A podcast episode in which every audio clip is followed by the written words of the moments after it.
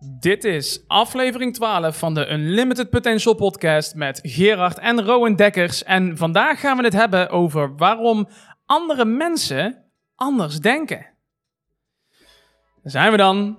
Ja. Het is ehm, niet, niet vroeg. Kijk, het is wel donker aan het worden op de achtergrond. Je zult misschien denken van, nou, normaal is lichter in de podcast. Dat klopt. Ehm, maar vandaag eh, is dat zo omdat de zon eigenlijk aan het ondergaan is. Ehm, want we zijn, hebben eigenlijk ter voorbereiding van deze week deze podcast opgenomen. Dus we hebben een keer lekker in de avond een mooie avondsessie gehad op eh, Koningsnacht. Koningsnacht. Ehm, dachten wij, laten we eens even een podcast gaan opnemen. Ja. Ja, wij, ehm, en waarom is het zo'n zo'n gaaf onderwerp eigenlijk? Omdat, weet je, andere mensen, of mensen in zijn algemeenheid, die denken anders.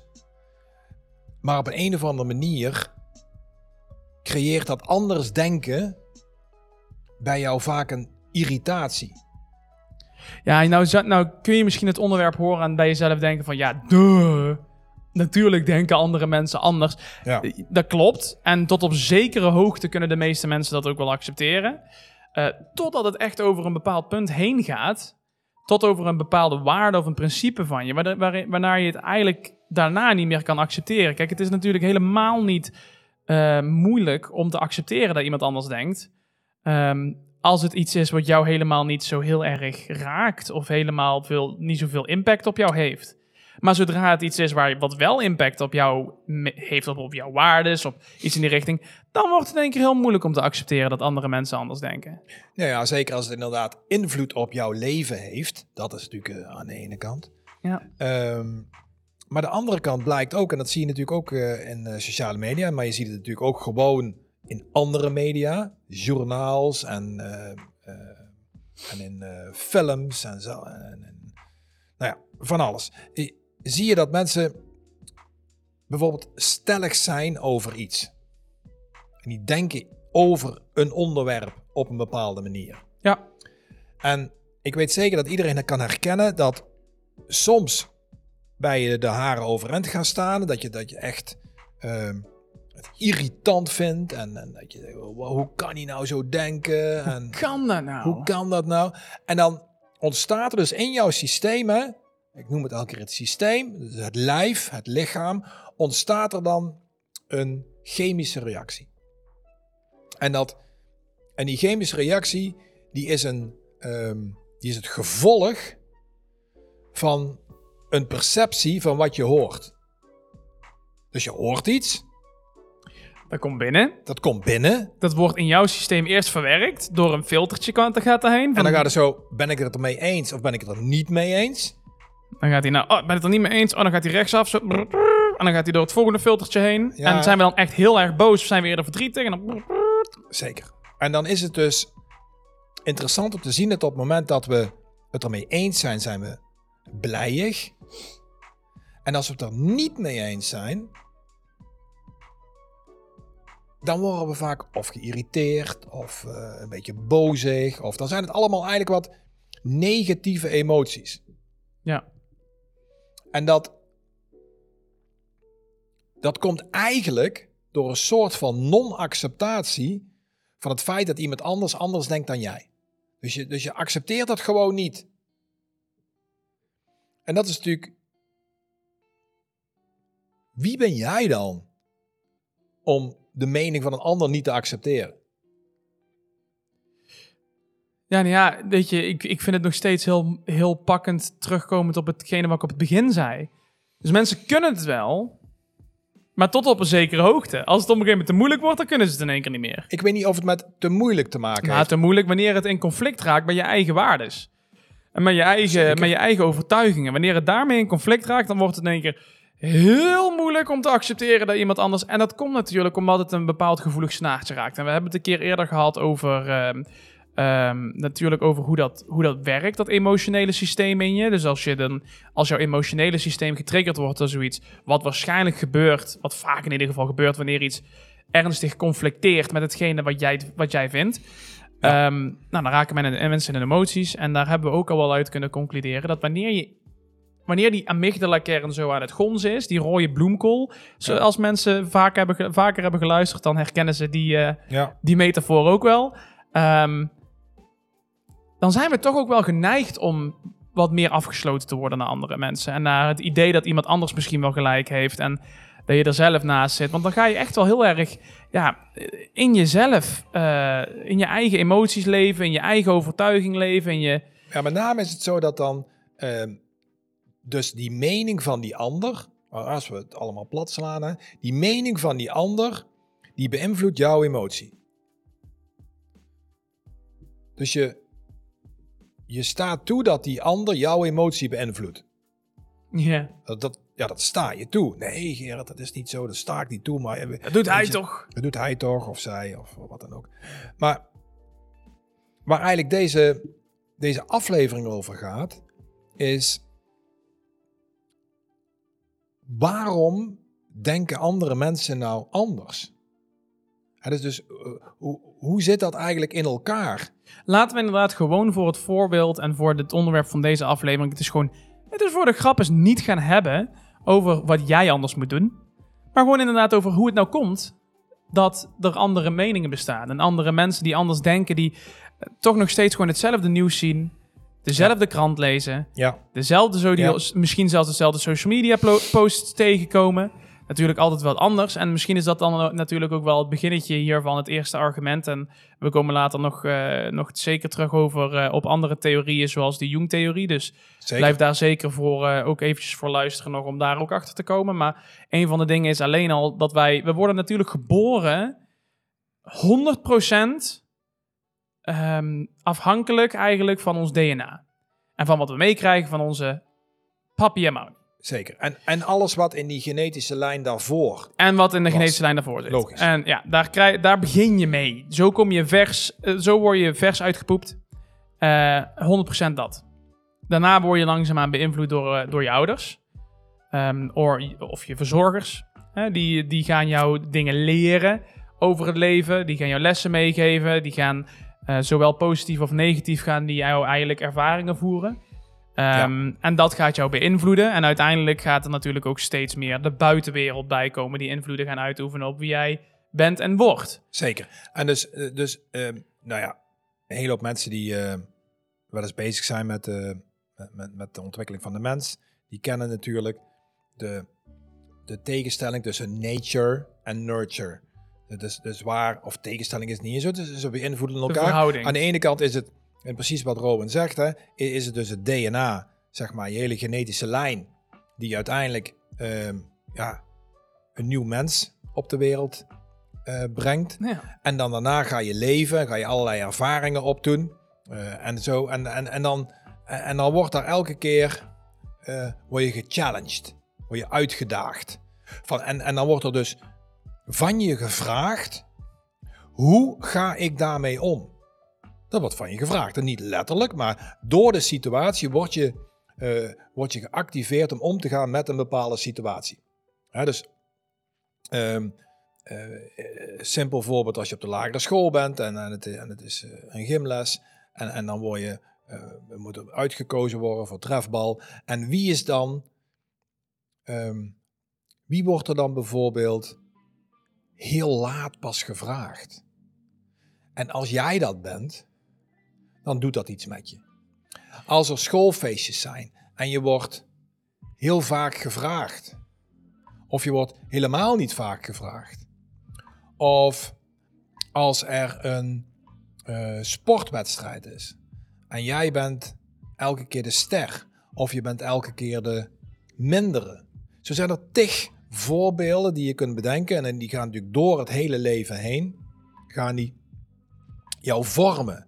En datgene wat in je DNA zit, hè, wordt, wo- wordt, wordt verder zeg maar, gecompleteerd door al die ervaringen. Nou, Ik, ik, ik denk daar natuurlijk wel eens over na. Hè. Kijk, ik heb Hmm. ook wel eens mensen, omdat dit soort, de- deze manier van denken, die is mij natuurlijk door jou een beetje met de paplepel ingegoten. eh, samen met, eh, met mijn moeder ook, ons Ja. mam. Die ook Ja. wel eh, heel erg in die richting zit natuurlijk, met NLP-achtergrond en alles. Ehm, alleen het is mij wel eens gevraagd door mensen. Hoe kan het nou eigenlijk dat jij, eh, vroegen ze aan mij, en ik, ik zeg echt niet dat ik Jezus op aarde ben. Hè. Ik ben hier ook Hmm. nog steeds flawed en ik ben ook nog relatief jong en ik ben hier ook nog veel aan het leren. Maar over het algemeen werd er vaak wel eens aan mij gevraagd: Rowan, hoe kan het nou dat jij mensen, als je nieuwe mensen ontmoet, dat je dat zonder oordeel doet? Mhm. Ook als je verhalen over mensen hebt gehoord, al van wat ze hebben gedaan of een mening over iemand hebt gehad. Hoe kan het nou als je iemand ontmoet, maakt niet uit wie je voor je hebt, dat het eigenlijk altijd een beetje met een eh, leeg vel begint bij jou. Ja. En dat je niet oordeelt over die mensen. Ja. En dat komt toch wel een beetje. Ik probeer daar vaak over na te denken wat het nou ook echt is, wat de kern daarvan is. En het komt vaak hierop neer. Dus het echte besef, het echt goede besef, dat ieder mens en hoe die denkt en hoe zijn, wat de bouwstenen zijn voor de waardes en voor de manier van leven die iemand heeft, ehm, dat is een simpele rekensom. Maar niet een rekensom van nummers, maar een rekensom van evenementen en gebeurtenissen. En alles wat iemand denkt, dat komt door iets. Ja. En daar kun je wel over oordelen. Daar kan ik wel een mening over gaan geven. Oh ja, hij is echt een eh, loser. Of hij is echt een eikel. Of hij is echt dit of dat. Of zus of zo. Maar het, het maakt niet uit, want het is allemaal gewoon het rekensommetje. Die persoon die handelt door zoiets. Exact. Omdat het een rekensom is van gebeurtenissen die in zijn leven is gebeurd. Zeker. Hij is, eh, het is gewoon een simpele rekensom van, eh, ehm, eh, hypothetisch gezien, vroegtijdig gestopt met, eh, met borstvoeding. Daarna naar een goedkope basisschool gegaan. Daarna als altijd als eerste ge- gekozen bij het handballen in de, in de, in het sport, in de sportschool. En daarna is hij tennis gaan, eh, gaan doen en daardoor is er dit, de- deze persoon uitgekomen.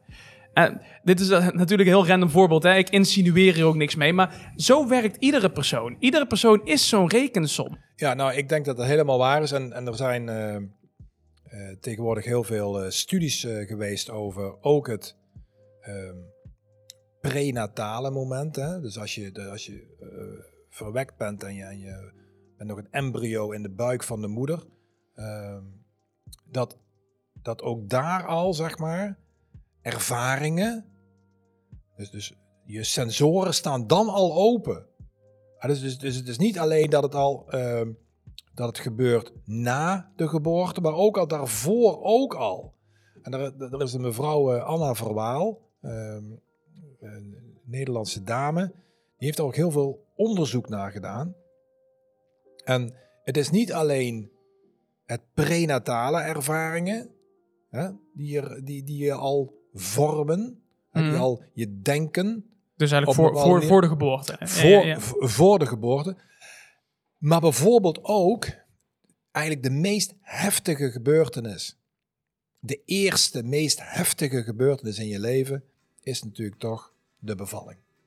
Hè, dus dat je, eh, dat je uit de baarmoeder de- op, de, op de aarde komt.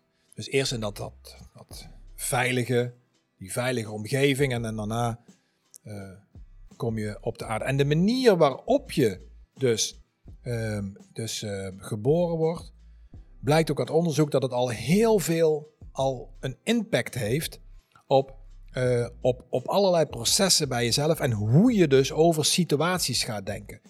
Ehm dus je kunnen allerlei ehm, verschillende culturen zijn er. eh, wat er met een baby zou moeten gebeuren op het moment dat het baby geboren wordt. Wel of niet meteen bij de moeder. Of eerst even onderzoeken of alles goed is. Even laten liggen. hè, Pets op de billen zodat hij gaat huilen. En, eh, Allerlei dingen. Allerlei dingen, zeg maar, hè, die dus al ehm, jouw eerste ervaringen zijn in het, in het leven. En dat gaat maar door en gaat maar door. En dat is wat jij ook bedoelt, zeg maar, hè, die rekensom. met die rekensommen over hoe jouw gedachten en dus hoe jij dus denkt gevormd wordt. Nou, wat zijn nou een paar eh, denkbeelden van, eh, van, van, van wijze psychologen, eh, zoals onder andere Jung, Freud, dat er ook zoiets bestaat als een persoonlijke basisbehoefte. Iets wat eigenlijk echt bij jou hoort. En Maar natuurlijk, de theorieën van hun, die waren ook natuurlijk deels ook gefocust op kijken of dat je het enigszins kan generaliseren in een x aantal verschillende groepen of soorten mensen. zeker. En uiteindelijk is, zeker. is dat natuurlijk een, dus een hele moeilijke opgave. Omdat we, we zijn allemaal uniek. En nou, dat wordt heel vaak gezegd. Maar nou, nou kun je natuurlijk ook beseffen als conclusie op waar we het net over hadden. Waardoor Ja. dat komt. Omdat iedereen zijn ander rekensommetje heeft. Daarom zijn we allemaal uniek. Ja. En ehm, nou ja, dat is uiteindelijk natuurlijk ook waarom het moeilijk is om mensen in te gaan beelden. Maar we hebben, de, Jung heeft het, eh, Jung onder andere, die heeft het natuurlijk gedaan. Ja, die heeft dat gedaan en die heeft eh, eh, en en een hele hoop psychometrische instrumenten hè, die er zijn. Hè, die, die zijn er ook allemaal op gebaseerd. Hè? Dus op die, op die basis, ehm, die, die, die eigenlijk in categorie, basisbehoeftes die in categorieën ook in te delen is. En waarom andere mensen nou anders denken, dat heeft niet dus alleen te maken met die ervaringen na de geboorte en, in, in je leven, maar ook wel hoe je eigenlijk ehm, gewired bent. Hoe, jouw DNA dus in, in elkaar zit. En, en wat eigenlijk een behoefte van jouw systeem is. Om in te vullen in het leven. Waar je eigenlijk continu als mens mee bezig bent. Dus je wil, Ja. je wil die behoefte invullen. Ja. Nou, hoe mensen zich gedragen zit dus heel erg gekoppeld ook aan die basisbehoeften. Dus hoe mensen gedragen en, en uitspraken doen. De manier Zit- hoe ze reageren op mensen, hetgene wat ze ook triggert natuurlijk. Zeker. Want het- het- het- zo'n basisbehoefte heeft natuurlijk ook een zwakte. Als jij iets doet wat hun basisbehoefte in gevaar brengt, dan re- creëert dat ook weer een reactie natuurlijk. Zeker, zeker. En, en, ehm, en dat bij elkaar uiteindelijk creëert dus ehm, niet alleen dus dat mensen anders denken, maar ook dat ze op basis van dat andere denken ander gedrag vertonen of andere uitspraken doen. Maar dat is allemaal ontstaan, dat is getriggerd door een behoefte. Dus ehm, de ene heeft veel meer behoefte om echt zich uit te spreken. De andere heeft de behoefte om dat naar nadruk niet te doen. En met name eerst te denken voordat ze praten. Een beetje introversie versus extroversie. Exact. Ehm, zo zijn er mensen die zeggen van oké, weet je, ehm, ik wil als ik ergens in, in een interactie met iemand ben, wil ik kijken wat haal ik er nou eigenlijk uit? Wat is eigenlijk nou het resultaat wat ik eruit haal? Ja. Een andere weer, een tegenovergestelde, kan denken van ja, weet je, ik, oké, als ik op deze manier met mensen omga, ja, eh, word ik dan wel geaccepteerd in de groep? Word ik dan door die omgeving wel geaccepteerd? Dat zijn allemaal behoeften. Dus een behoefte om geaccepteerd te worden, een behoefte om erkend te worden, een behoefte om resultaten te bereiken, een behoefte om, om je met name, zeg maar, eh, veilig en zeker te voelen. Dat zijn een beetje de, natuurlijk ook de categorieën die, wij, eh, die voor ons bekend zijn, waar wij veel mee werken. Ja. Want wij doen enorm veel hiermee en dan vooral natuurlijk ook met sociale stijlen. Ja. Ehm, die ook meer in de richting kijken van ehm, ehm, to- aantoonbaar, eh, ja, toonbaar gedrag. Dus het gedrag wat mensen laten zien. Ja. Eh, daar ligt natuurlijk nog, liggen nog veel meer lagen in. Want dat is natuurlijk ook een tweede, een tweede punt hier. Je, we kunnen wel denken, waarom denken anders me- andere mensen anders? Maar misschien een, een twist van die vraag is, waarom gedragen mensen zich anders? Want soms denken mensen, je hebt zelfs wel eens dat mensen wel hetzelfde denken, maar dat één iemand zich an, dat er iemand, een van de twee zich toch anders gedraagt, of het op een andere manier uit. Zeker, zeker. Of misschien wel hetzelfde denkt, maar omdat ze een andere stijl hebben, dat ze toch net een andere behoefte hebben vanuit dezelfde gedachte. Ja. En daardoor krijg je natuurlijk, kun je je wel voorstellen dat er zo'n complex scala of raster aan verschillende soorten mensen en interacties komen. Ja. Dat het, dat, dat, nou, daar, daardoor kun je alleen al concluderen dat er nooit twee dezelfde mensen zijn op aarde. En, ehm, maar wat je wel kan concluderen, ik, ik kijk natuurlijk liever naar hetgene wat we wel eh, kunnen, waar we iets mee kunnen, en niet naar hetgene waar we niet iets mee kunnen. Hetgene waar je wel iets mee kan, is het besef dat iedereen bovenop dat rekensommetje, dat iedereen zijn eigen rekensommetje heeft, maar dat ze ook ten tweede een eigen basisbehoefte hebben. Zeker. En een eigen manier van beredeneren daar ook vanuit die basisbehoefte en dat rekensommetje. ja, dat die, die mensen na... Je kan er altijd uit, eh, vanuit vertrouwen naar leven. Daar kun je 100%, neem dit nou van me aan. Kun je er 100% van uitgaan. Dat iedereen, iedereen waar jij interactie mee heeft, ook al doen ze iets waar jij het echt niet mee eens bent, daar zij er een reden voor hebben. En dat klinkt super logisch dat ik dit nou zeg, maar Ja. er is iets in die persoon wat ervoor heeft gezorgd dat zij het, het afwijkend, in jouw ogen op dat moment afwijkende gedrag vertonen, of die afwijkende mening hebben, Eh, dat, dat, daar heeft iets voor gezorgd. En dat is altijd. Nou ja, valide wil ik het niet noemen. Want nou, nou wil ik niet de, niet de massamoordenaars gaan. eh, Maar ja, het is altijd valide. Er is altijd natuurlijk. Het, het is ontstaan uit iets. En die mensen geloven altijd dat dat het juiste is. Want zo, zo, zo werken wij mensen. En misschien niet het juiste op de manier van. Dit is goed voor de wereld. Maar het juiste voor dat moment. Voor Ja, hun als persoon. Precies, en nu wordt het interessant. Want als je dan zou concluderen dat heel veel verschillende mensen ook verschillende basisbehoeften hebben. En dat die basisbehoeften hun gedrag triggeren. Eerst andere gedachten, of, of überhaupt gedachten. En daar, daar, daar vloeit gedrag uit voort. Uitspraken of ander type gedrag.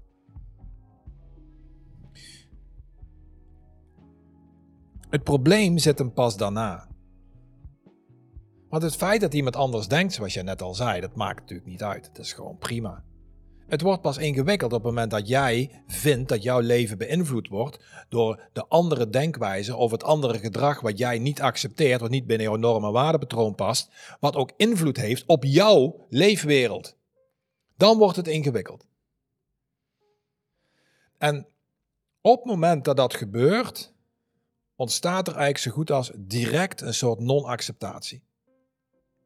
soort van. ehm, we hebben het nog over gehad. eh, eh, ehm, ehm, antipathie krijg je, de- creëer je dan. Zeker.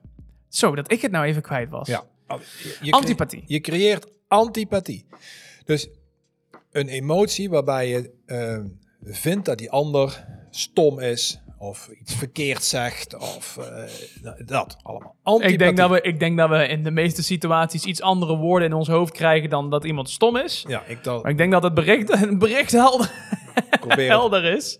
Dus, dus eh, al die dingen die wij hier bespreken natuurlijk, zijn altijd allemaal van die conceptuele dingen, zeg maar. Hè? En dus, dus, sorry luisteraars, maar de- hier, dit is een ongelooflijk interessant fenomeen.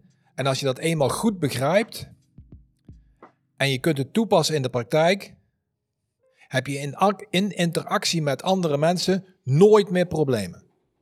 Nooit Ja, en, en, nooit meer ehm, vervelende emoties ervaren.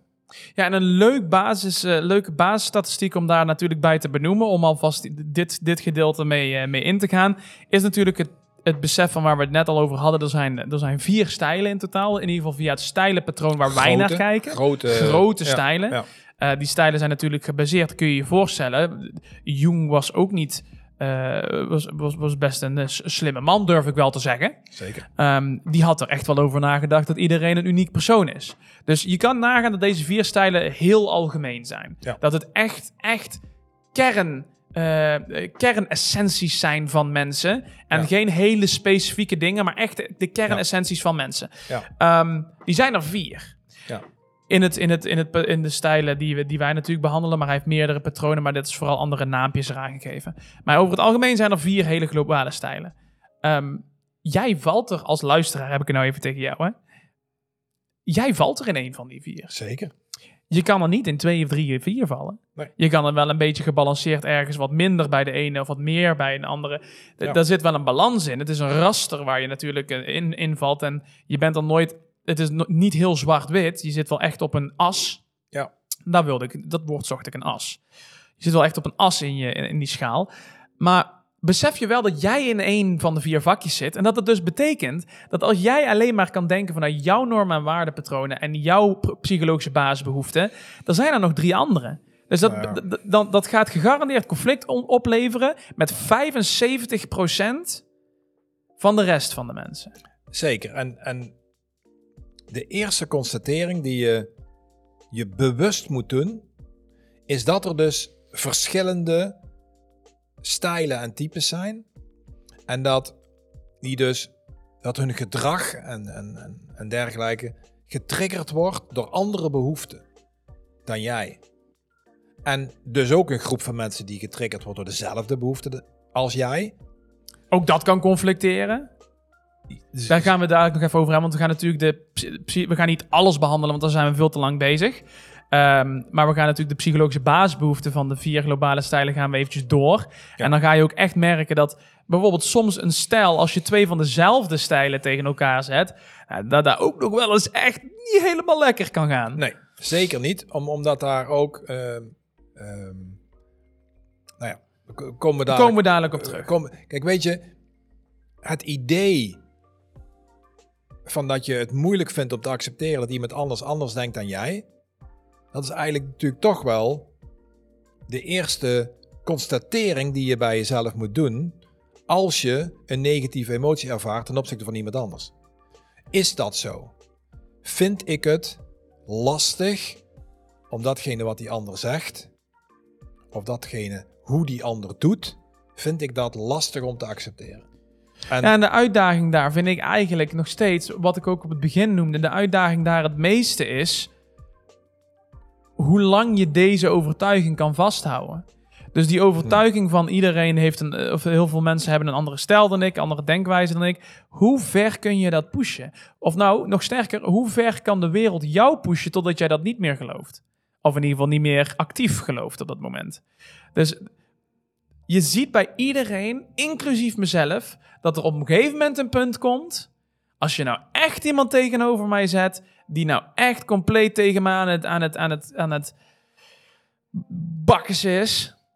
Tegen mijn principes in. En die blijft doorgaan en die maakt me echt zwaar. Dan komt er bij mij op een gegeven moment ook een punt dat ik het echt heel moeilijk ga vinden om te accepteren dat hij echt heel anders denkt dan ik. Hij of Ja. zij. Dus het is natuurlijk een Ja. heel groot scala waarin je eigenlijk jezelf bijna wilt trainen eh, om er zo resistent mogelijk tegen te zijn. ja, en er zijn eigenlijk, eh, beste luisteraars, eigenlijk twee stadia. Eén, de constatering dat iemand anders anders denkt dan jij. Ander gedrag vertoont dan jij zou doen. En natuurlijk het stadium waarin je wel of niet gaat constateren dat dat gedrag invloed heeft op jouw leven. Dat zijn dus twee dingen. Dus je kunt Ja. al gewoon direct en onmiddellijk in de weerstand gaan. Dat kan. En die heeft een andere mening. Oh, stom.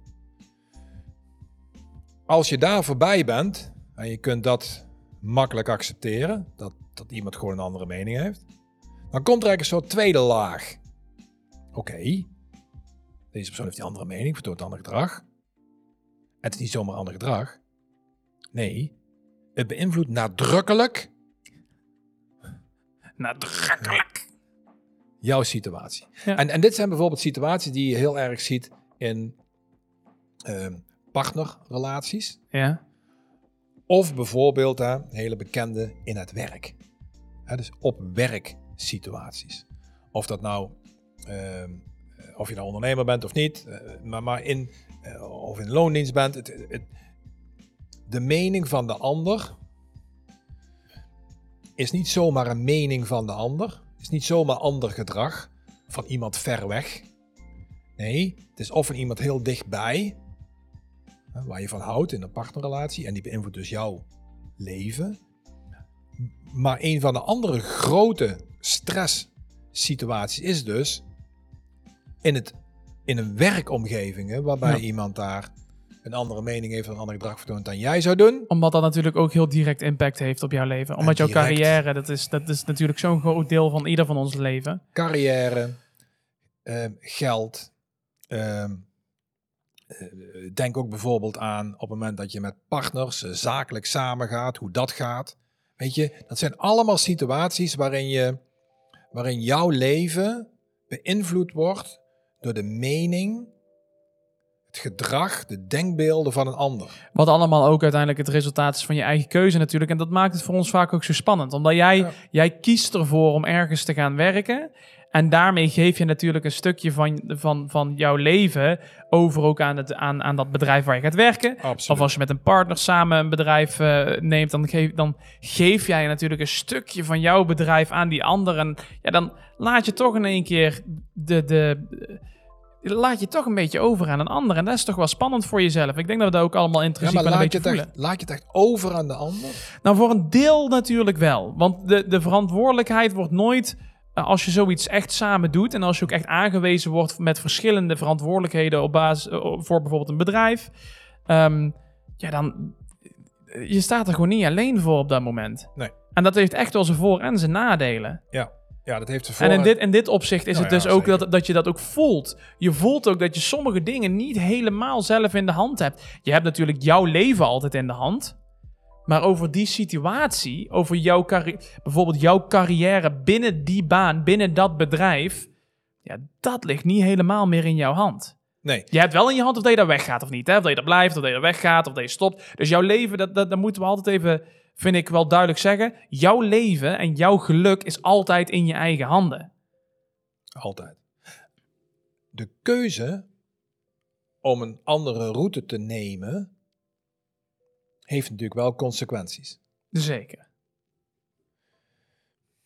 Dus je hebt, resume, hè, je hebt eigenlijk twee niveaus. Iemand, iemand denkt anders en waarom denken die anders? Ja, weet je, die hebben gewoon andere behoeften. Die zitten gewoon anders gewired. Ja. Die hebben, de ene heeft bijvoorbeeld veel behoefte aan, aan resultaten bereiken, de andere heeft behoefte aan erkenning van zichzelf. Met name, natuurlijk. Eh, ook kan het een beetje eh, natuurlijk omkeren. Ook iemand die met name behoefte heeft aan erkenning van zichzelf, gaan we zo even, heeft even ook naartoe. wel eens behoefte eh, om natuurlijk resultaten te bereiken. Maar datgene waarom je met name zeg maar, behoefte aan hebt, waar echt een, een basisbehoefte voor jou is als mens, dat is je trigger voor bepaald type gedrag, meningen, etc. Nou, als je dat waarneemt, dan kun je dus ervoor kiezen of je dat, of dat antipathie bij jou activeert of niet. Dat is gewoon een keuze. Ja. Dat is een keuze die je maakt. En de mail van mensen denken van ja, maar weet je, eh, dat gebeurt gewoon bij mij. Nee, het gebeurt niet gewoon bij jou. Daar heb je een keuze in. En natuurlijk, sommige mensen kunnen er eigenlijk misschien alweer niet echt in kiezen. Waarom niet? Omdat ze één nooit geleerd hebben dat ze een keuze hebben. Dat zou een variant kunnen zijn. En de andere variant is natuurlijk dat er toch in het verleden allerlei dingen gebeurd zijn.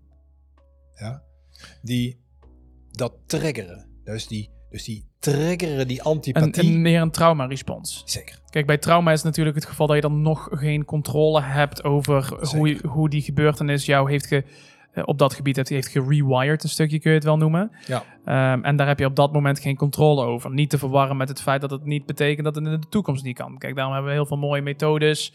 Hmm. eh, EMDR, maar ook eh, in de hedendaagse psychologie valt er al heel veel te doen zonder EMDR. Ja. Ehm, maar hoe je natuurlijk dat soort problemen oplost. Dus ja, voor de mensen met trauma's die momenteel luisteren.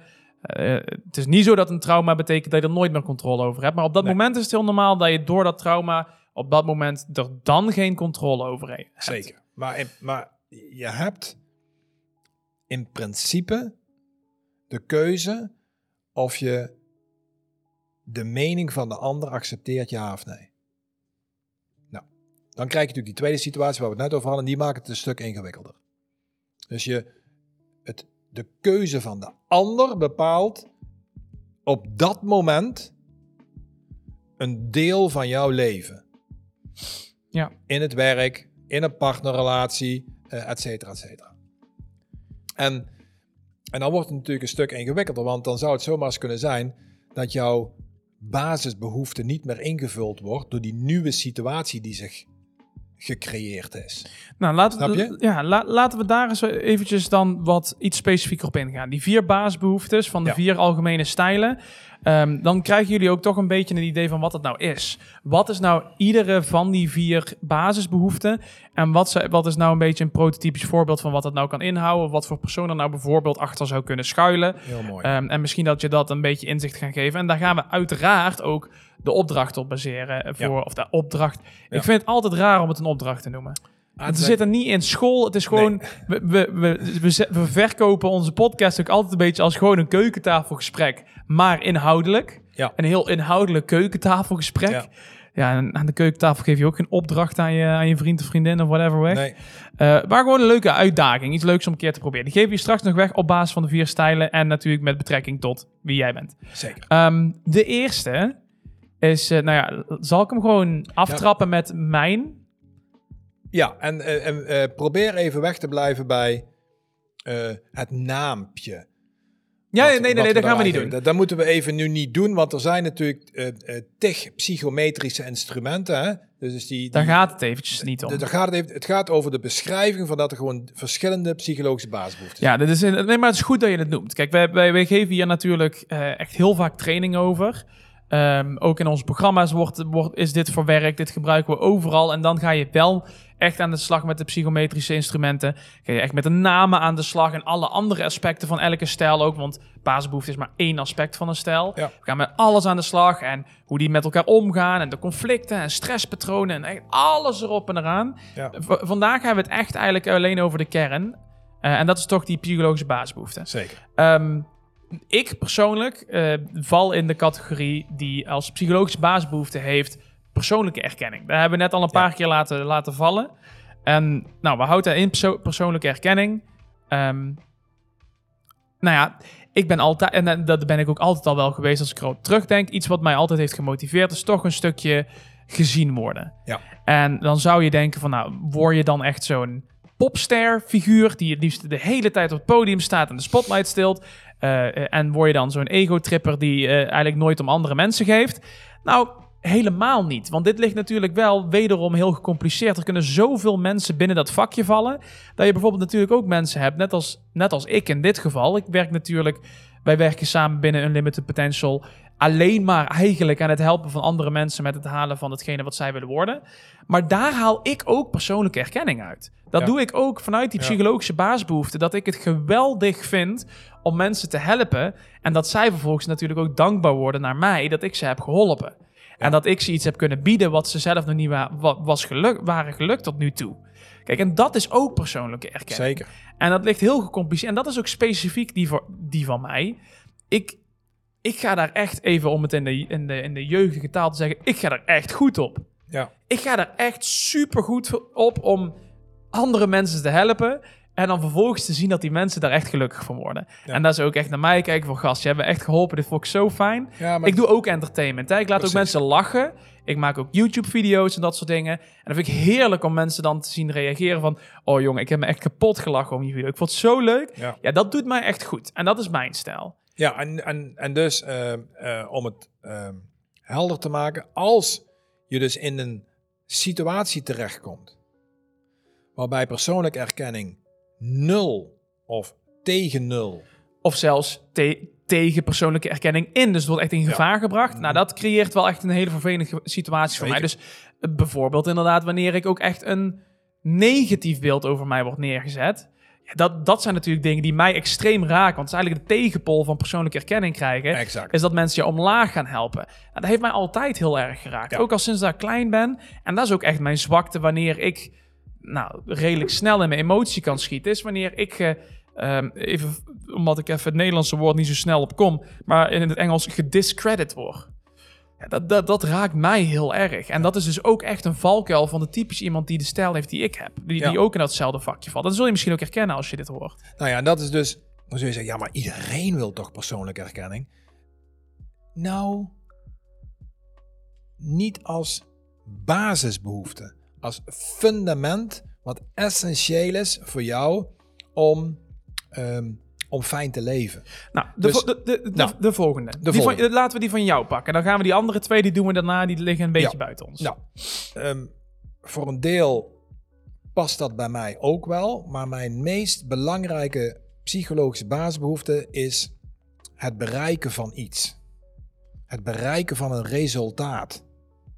Dat is ehm, in mijn psychologische basisbehoefte ehm, ja, zo'n beetje eigenlijk wat, wat bovenaan staat als ik dingen doe of als ik dingen zeg.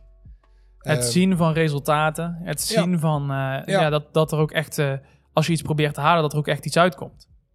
Ja, en dan ook nog, en, en dat past ook heel nadrukkelijk bij deze stijl, dat dat niet extreem ver in de toekomst ligt, dat resultaat, ja.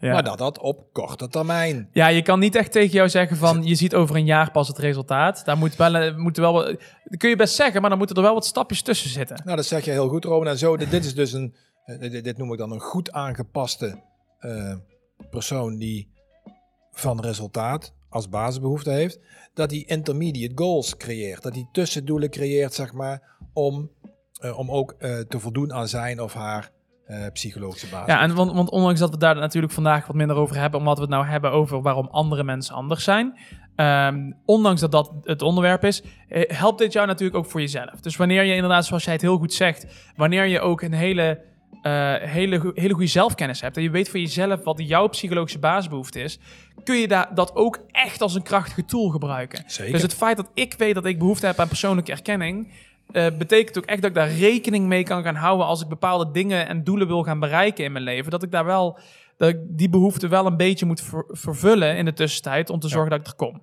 hou die vast.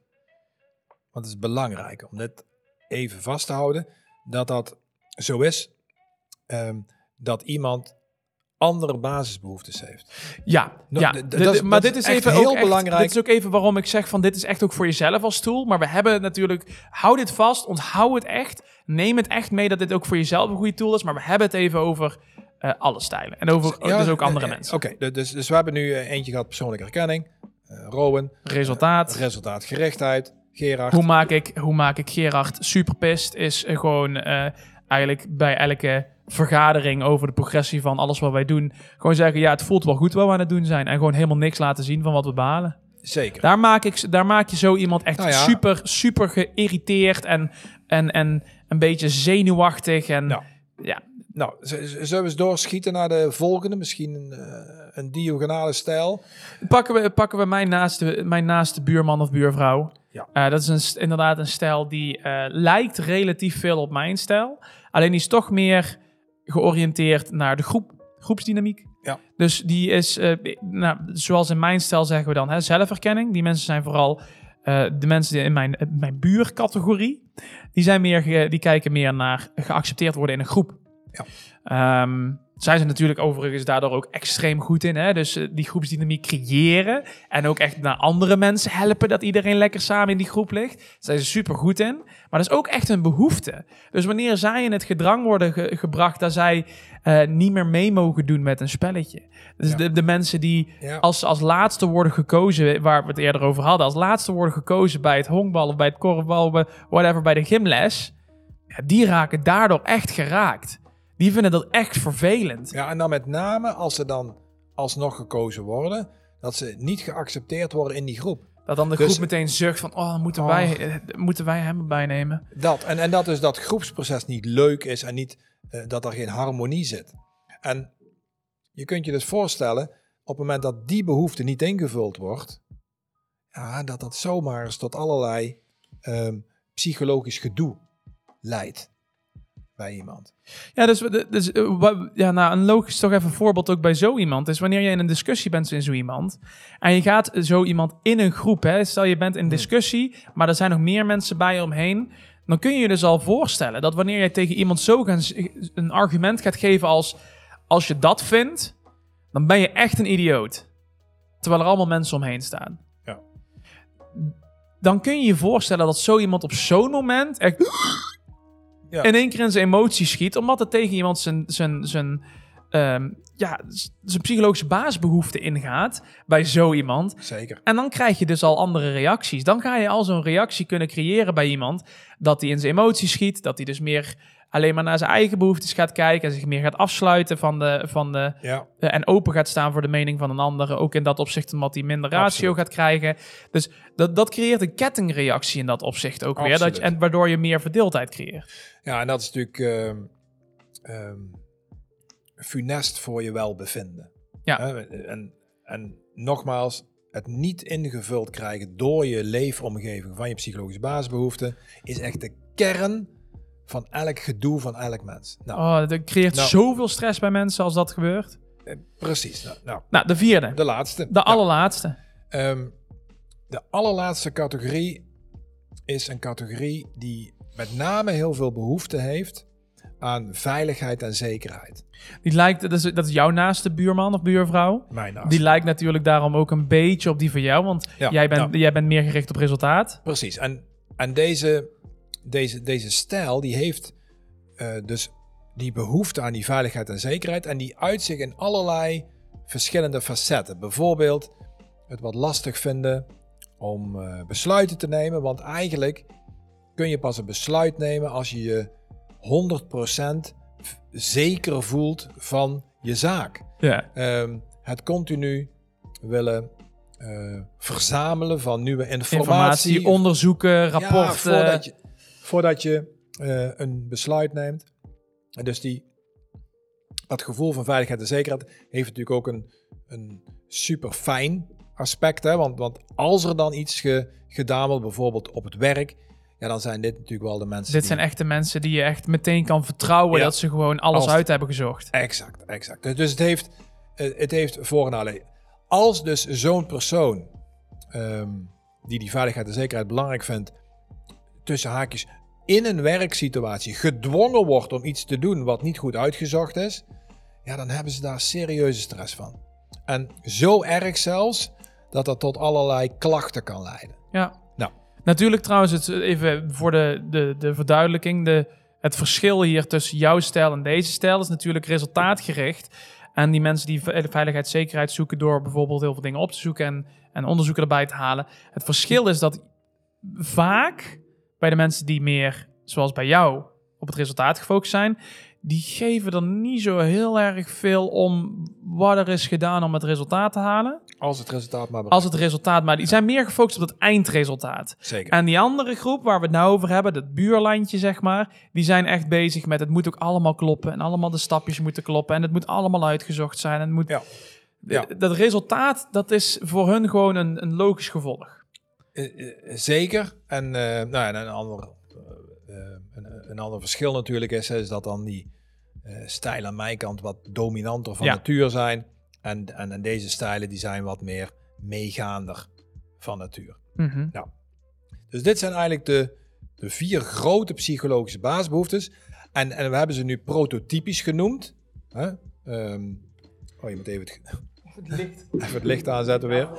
Eh, Nou, eh, dus de, dit zijn de vier, grote, de vier grote psychologische basisbehoeftes. En natuurlijk zijn er eh, zoveel varianten tussen haakjes als dat er mensen zijn. Dus je kunt natuurlijk ook leentje buur spelen eh, ten aanzien van een aantal onderdelen van jouw persoonlijkheid bij een andere stijl.